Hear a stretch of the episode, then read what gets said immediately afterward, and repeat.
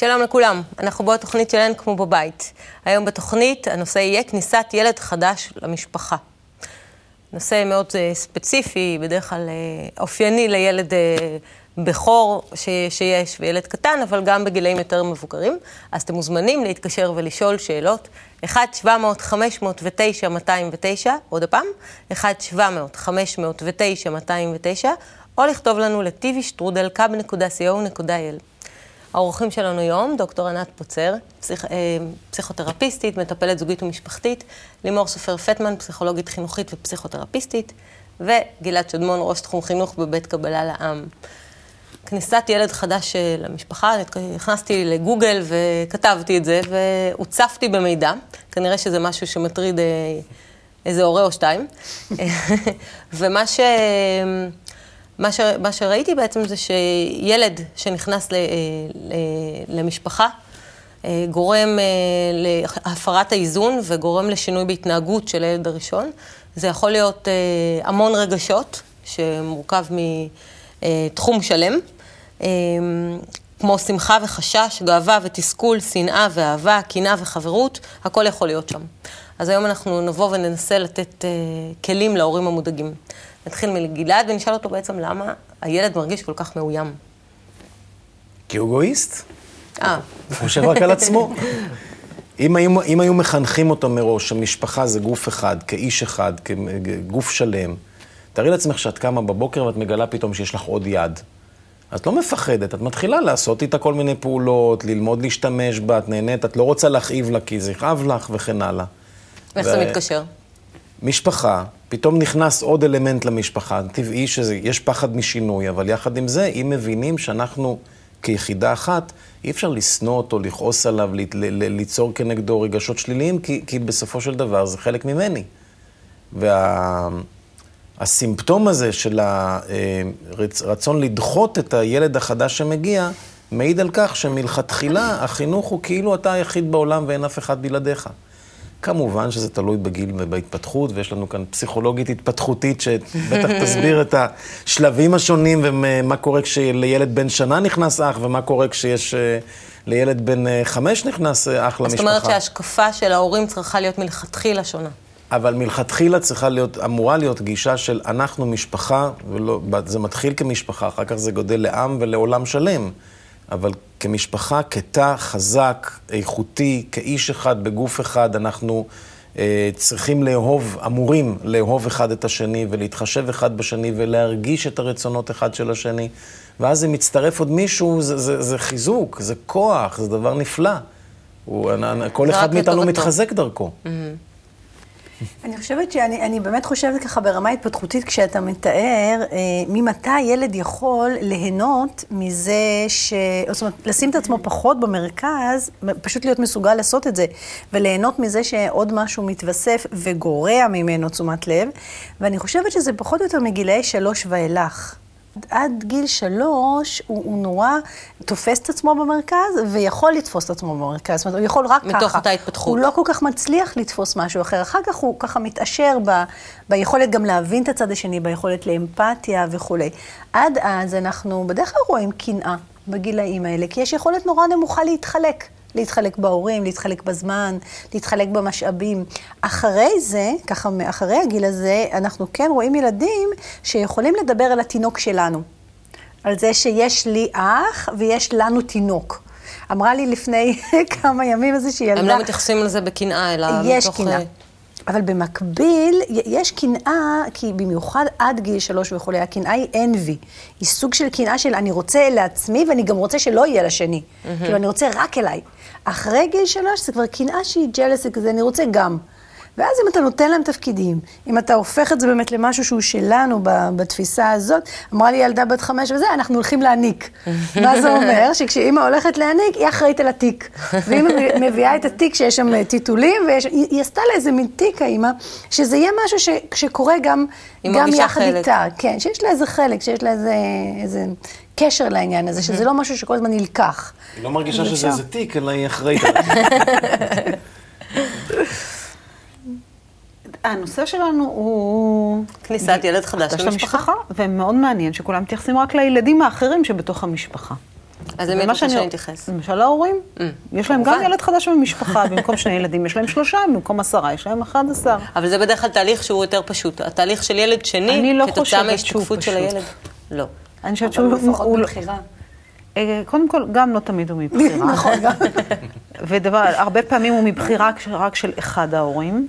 ההורים לא אומרים את זה. לפחות גלויה. כן. גלויה יעני שניהם, הכל בסדר, נכון. אבל באמצע לא. ואני אומרת שזה מקום להתחדשות.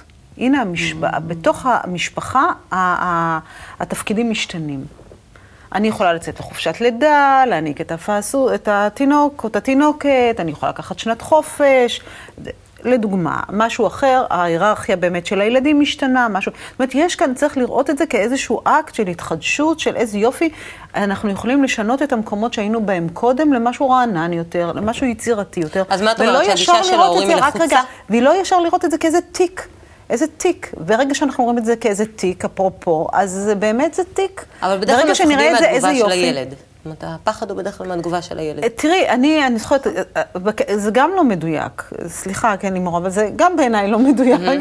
כי למשל, נגיד, כן? אם נול, אה, הבת הראשונה היא בת, ואחר כך נולד בן, בדרך כלל אין שם כל כך הרבה קנאה, לדוגמה. או, זאת אומרת, כשהמין הוא שונה. כשהמין הוא אותו דבר, יש קנאה.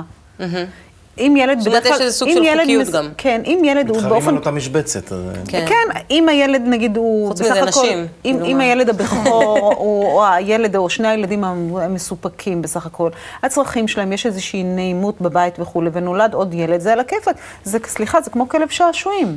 כן, מכניסים כלבלב קטן הביתה. אז זה בסדר. אם האימא מותשת, ואין לה כוח, והיא מתה מעייפות, וקונפליקטים עם האבא וכולי, אז בטח הם ירגישו שלוקחים להם לתשומת לב. לכן אני לא חושבת שיש חוקיות בדברים האלה, וזה מאוד אה, יש חוקיות וזה אינדיבידואלי, מאוד מורכב. וזה מאוד מאוד תלוי תרבות. מה? מורכב מאוד. זה מאוד מורכב. מאוד מורכב, אבל זה לאו דווקא צריך, וזה מאוד תלוי תרבות. טוב, בואו נראה אנחנו- באמת איזה שאלות שואלים אותנו בבית, וככה בבקשה. נוכל לכוון את זה. אני נורא מסכימה באמת שזה זה הפך לאיזה מין שאלת משבר כזאת, אז מה יהיה? נכון, זה גם יכול להיות נפלא. כאילו, זה לא חייב להיות משברי. טוב, היום בכלל כל הריחוק מהטבע, כאילו, את בהיריון, אז מה יהיה? כאילו, כן. מה יהיה? מיליון יהיה נשים. לפנייך, מיליארדי נשים לפנייך היו בהיריון, אני ילד, מה יהיה עם הלידה? תראי כמה התעסקות מסביב למשהו שהוא טבעי. נכון. זה סוג של קלקול שלנו היום. כן. בואו נעבור לפינה הבאה. לכל שאלה תשובה.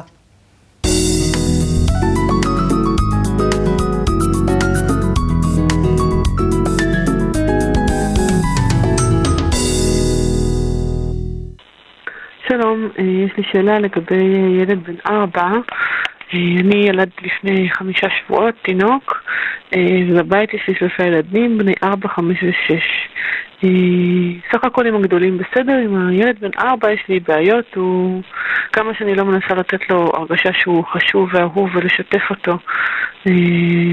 הוא מתנהג כאילו אין, אין גבולות והכל מותר והוא הוא נושך וצועק והורס חפצים וזורק כלים ושובר אה, ובסופו של דבר יש לי ארבעה ילדים בבית אה, עם תינוק ואני חסרת שינה, העצבים שלי מרוטים וכאילו הרגשה זה שיש ילד אחד ש, ש, שממש שם לעצמו משימה להיות אה, מחבל קטן ו- ו- ולהרוס הכול. ואני לא יודעת מה היחס הנכון אה, שצריך להיות במציאות הזאת החדשה שיש לנו בבית. תודה. תראי, אני, אני מאוד ח- מלאת חמלה, באמת, כלפי האימא, שבסך הכל מתארת איזשהו מצב של קריסה, אבל היא כל הזמן חוזרת ואומרת שלה יש בעיה. אני רוצה להגיד לה שגם לילד שלה יש בעיה.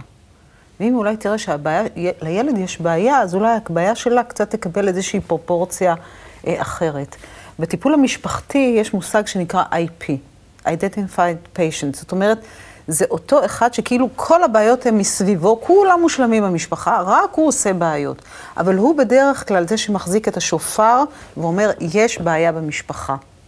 שזה מתחיל מעמוד ול- השדרה מה... ולכן זה לאו דווקא שהילד הזה הוא בעייתי, אלא הוא רק זה שמשמיע את הקול. ואני הייתי מציעה לבדוק מה הקול. מהמם, יפה. אני מאוד מסכימה עם ההסתכלות המשפחתית, אני רק חושבת שכדאי בכלל לנסות אולי לפרש את המצב קצת אחרת, ולא ש, שיש איזה ילד ש, ששם לעצמו לחבל, אלא ש, שהוא לא שהמציאות שם- מצליח לעשות כרגע משהו אחר. היא אומרת שהמציאות שם היא די קשה, ילד בן 6, 5, 4 ותינוק, זה לא ובתוך פשוט. המאבק הזה שם אולי ש, שנמצא, או בתוך ההתנהלות החדשה הזאת, הוא לא מצליח. זאת אומרת, הכי טוב שהוא מצליח לעשות כרגע זה זה. ואז באמת השאלה מה הוא צריך. ואפשר לנסות לברר איתו מה הוא צריך, ו, ולאו דווקא שהוא צריך את אימא לבד. או משהו כזה, אבל השאלה באמת מה עובר עליו, כי זה נשמע שהיא לא כל כך יודעת מה עובר עליו, ואפשר לדבר איתו, ואפשר לנסות לבדוק מה קורה לו בגן, ואפשר אה, אפשר הרבה פעמים גם לשאול אותו. פשוט לשאול אותו מה, מה, מה הוא צריך, מה הוא רוצה, מה... ולנסות לתת לו את זה ככה בתוך המסגרת הזאת שנורא נורא השתנתה. זה נשמע אבל שפשוט אה, המציאות אה, שם מכה בפניה, שאין לה בכלל את הזמן הזה לבוא ולדבר איתו. כן, זה מאוד קשה, ילד אחרי ילד אחרי ילד אחרי ילד, זה מאוד מאוד קשה. היא גם הייתה בהיריון, רק מי- מילה אחת, היא גם הייתה בהיריון שנה, תינוק שנה, הריון שנה, תינוק.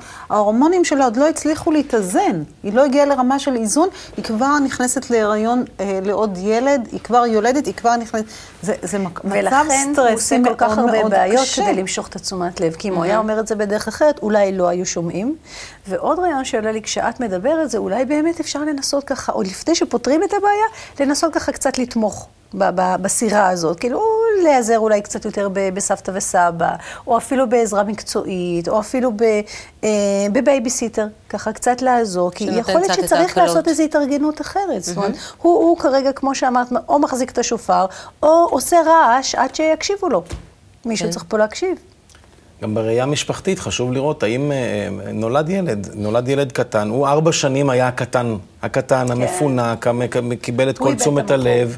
הוא הפסיד הכי הרבה מהדבר, כביכול הפסיד. נכון. או אם שהוא מסתכלים לא על קיבל. כל אחד כיחידה, גלעד, או שאולי הוא לא קיבל. או שלא קיבל, אבל שהוא לא עכשיו... קיבל והוא זקוק לעוד, עכשיו בכלל הצ'אנס שלו נכון, לקבל ירד ל- נכון. ל- ל- נכון. לאפס. הוא עבר את השינוי הכי משמעותי. לא מתאים. האם. כשבא הילד החדש למשפחה נתנו לו מתנה, הסבירו לו מה זה, הכינו אותו? אנחנו יודעים שהכנה זה דבר מאוד חשוב, לק- לקראת כל דבר. האם הכינו אותו באמת לכך שעכשיו יהיה ילד חדש, ועכשיו אנחנו, נו- זה שלנו, כמו שנאמר פה מאוד יפה, של, שלנו, ילד חדש למשפחה שלנו. יש לכל אחד תפקיד, אולי כל אחד יקבל עוד תפקיד. זאת ההכנה? כאילו זה מה שצריך להגיד ממש, ל... כן, ודאי. ושאנחנו נטפל בו כמו שטיפלנו בך. כמו ולהראות לו בתמונות איך טיפלנו בך, ועכשיו אנחנו נעשה את זה בשבילו. זאת אומרת, גם אתה קיבלת, לנסות ככה לתחום את העניין הזה, כי אין מה לעשות, יש פה מציאות, מישהו אחר הולך לקבל יותר עכשיו. נכון. זאת אומרת, האימא בעצם מדברת על סימני אה, אה, קריאת מצוקה שכבר קיימים בשטח. זה לא שלא, ש- ודאי שאפשר לעשות עדיין שינוי, אבל אה, כדאי להתבונן על, ה, על מה הילד הזה מרוויח מזה שיש לו אח, ולהסביר לו. להסביר לו, אנחנו, גם אתה באופן אישי וגם כולנו ביחד הרווחנו מהדבר החדש הזה. חשוב לשנות את ההשקפה בבית. ודאי. אין, אה, אין, אה, אין שום ברירה מ... זאת אומרת, האנושות בכלל, וזה מתחיל מהתא המשפחתי, הולכת לכיוון של יותר חיבור ויותר הבנה של הרווח של הביחד. אמן. ברמה של אני מדינות, מקווה. ברמה של אנשים, ברמה של משפחות וברמה עד, עד, עד אה, חיי עד הפרט. התא המשפחתי. כן. אמן, הלוואי ואתה צודק. באמת. אין, ברירה. תראי, היום שפעת קטנה במ- במקסיקו, בזה, מעמידה את כל העולם על ה... הצהרות עוברות נורא מהר, השאלה מה עם החלקים האחרים. הן לא עוברות, הן פשוט מתחלפות עד שאנחנו נבין את זה. ו- וחבל, אנחנו יכולים להגיע לזה גם בלי כל הצרות האלה. אוקיי. בואו נעבור לשאלה הבאה, שאלה שהגיעה אלינו דרך האתר. סליחה. בני בן החמש עומד להיות אח בעוד כחודשיים וחצי, בזמן האחרון החל להתנהג מוזר. ככל שבטני גדלה, כך התנהגותו משתנה. הוא מתחיל להתפנק יותר, אינו מקבל מרות הורים, כשניתן לו עונש הוא עומד על שלו. שמי שמחליט זה הוא ולא אף אחד אחר, ומתחיל לבכות. הוא צייר לי ציור שבו אני מתה, ולאחר מספר ימים דיבר מה יקרה במקרה שאימא כאילו תידרס. בערב בעלי סיפר לו סיפור, ועשתה מתוך הלצה, צחק עמו לגבי זמן הלידה, ושאל אותו מתי הוא חושב שהגיע הזמן, והילד נתן לו סטירה. כשאני מנסה לדבר עמו, הוא אמר שהוא מעדיף להיות עם אבא וזה בסדר אם אני אלך. מה אני אמורה לעשות? האם זה יחלוף או יחמיר? אתם בשוק? לא, לא, זה קורה. למה הילד נתן לו סטירה? אני לא הבנתי. כעס. בגלל ש... לא, כן, למה הוא כעס אבל? אה, לא הוא שזה שאל אותו. מתי זמן הלידה יגיע, והוא אמר לו ש... שנתן לו סטירה. לא מצא יש חן שני בעיניו תהליכים הנושא. שמתרחשים שם, אה, לפי התיאור הזה. אחד, זה שאימא שהייתה לו השתנתה ואיננה. אימא התעגלה. אימא עסוקה בדברים אחרים. ילדים גם מרגישים כשהעניין הרגשי שלנו נמצא בדברים אחרים, כשאנחנו מצפים ומחכים וזה, אנחנו אוהבים את כולם וכולי, אבל אנחנו עדיין, האנרגיות שלנו הולכות למקום אחר. אומרים שכשאישה נכנסת להיריון, היא מתחילה לחשוב רק על הילד שלה בבטן. יכול להיות שגם הוא מתחיל כן, אני, לחשוב. אני בטוחה מניסיון של כמה הריונות שאנחנו מצליחים לשלב את הדברים, אבל ילד גם מרגיש שמשהו מלהיב אותנו, שאנחנו מתעסקים בו, שאנחנו מחכים לו, ו- וזה לא נראה לו. ל- ל- זה לא נראה לו העניין הזה, זה נשמע... לא נראה לו שהוא לא המוקד פתאום. כן, כן, כן. הוא ילד, ילד בן חמש, היא לא אמרה אם הוא לבד, אבל יכול להיות שהוא באמת חמש שנים לבד, חמש שנים עברו על דן, ואז אה, פתאום, אה, מה, מה זה הדבר הזה שמצפים לו ומחכים לו? אה, אבל יש משהו שגם אימא השתנתה. עם כל הנושא הזה של ההיריון, אז מבחינתם הם חווים את זה לפעמים קצת כאיזה נטישה. זאת אומרת, היא אחרת, היא איננה, היא מה קורה עם זה.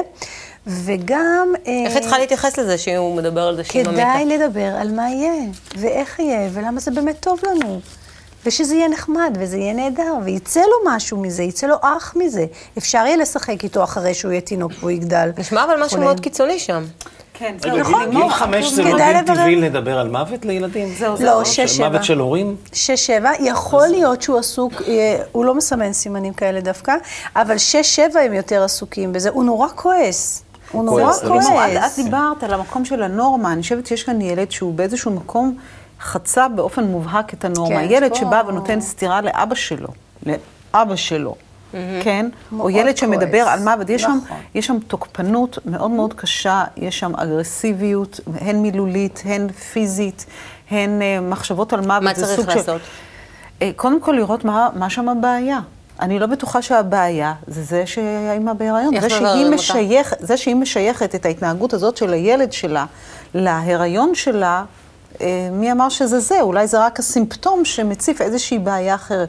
כי אם באמת הייתה הכנה, כמו שלימור אמרה את זה מקודם, אין שום סיבה שתהיה, בדרך כלל, אין שום סיבה שתהיה כזאת התעוררות קיצונית.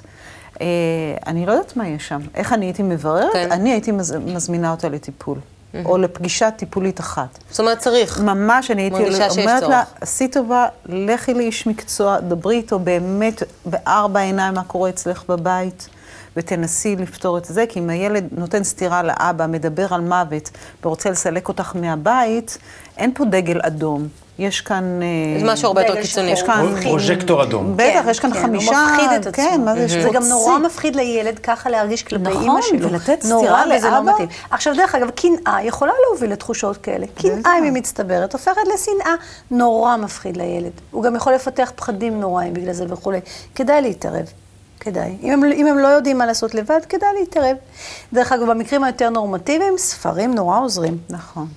ספרים שמקריאים לילד. ספרים, ספר כן. הפלפילים נכון. הקלאסי. שזה הכנה. ספרים על, כן, כן. בהכנה ותוך כדי וגם אחרי. כן, נכון. כי הרבה פעמים יש ילדים שיותר קל להם לקבל תינוק, כשהאימא מצליחה איכשהו לטפל בתינוק, אבל גם, או בילדים אחרים וכולי, ולתת גם להם תשומת לב. אבל כשהתינוק כבר מתחיל לזוז וצריך לרדוף אחריו, והוא דווקא תופס יותר ויותר תשומת לב, יותר קשה להם. אז גם אחרי, מאוד יכול להיות שהקנאה דווקא תעלה, כי היא לא נעלמת. היא רק עולה ויורדת, יכול להיות שהיא תעלה דווקא בגיל שמונה חודשים, בגיל עשרה חודשים, כשהם מתחילים לדבר הקטנים ותופסים את תשומת הם הלב. תופסים את המציאות בצורה כבר יותר... ספרים נורא עוזרים. זה ברור להם שהוא כבר לא ילך. יש המון ספרים היום בשוק. בסדר, בואו נראה מה הילדים חושבים על זה. נעבור לקליפ. מזווית של ילד.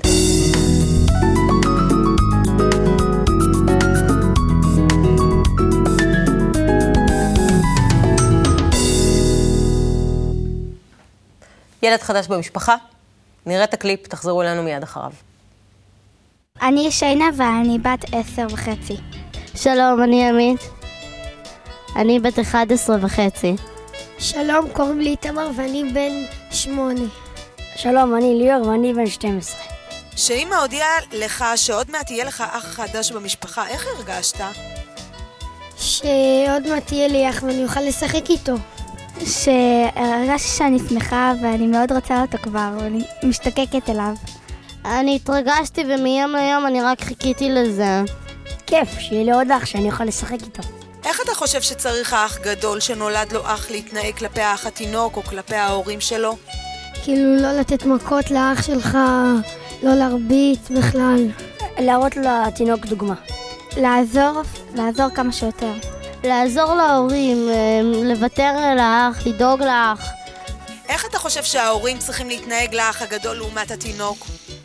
אני חושב שהם צריכים להתנהג באותה צורה, כאילו שווה, כאילו לאהוב את כולם באותה צורה. כאילו ששניהם לא ירגישו שהוא, שאותו יותר אוהבים ואותו פחות, שירגישו אותו דבר.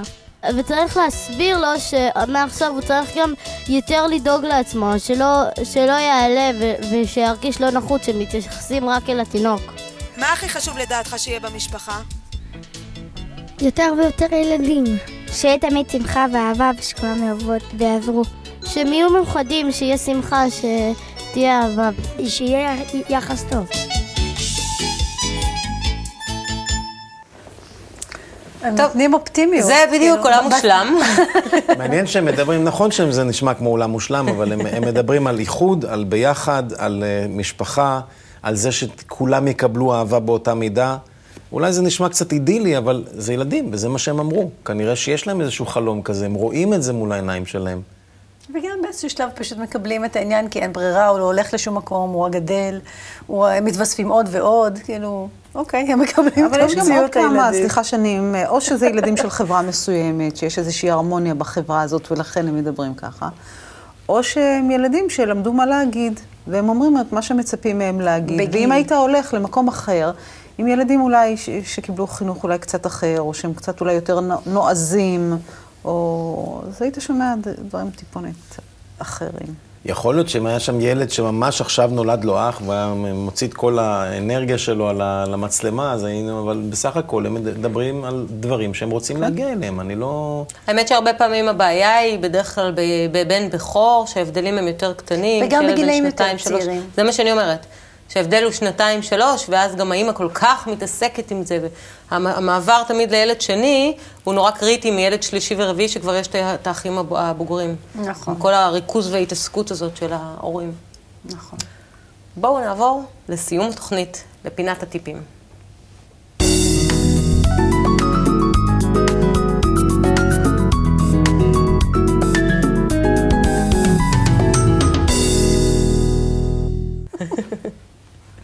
ענת, טיפ. יש לנו זמן. בואי נדבר על זה.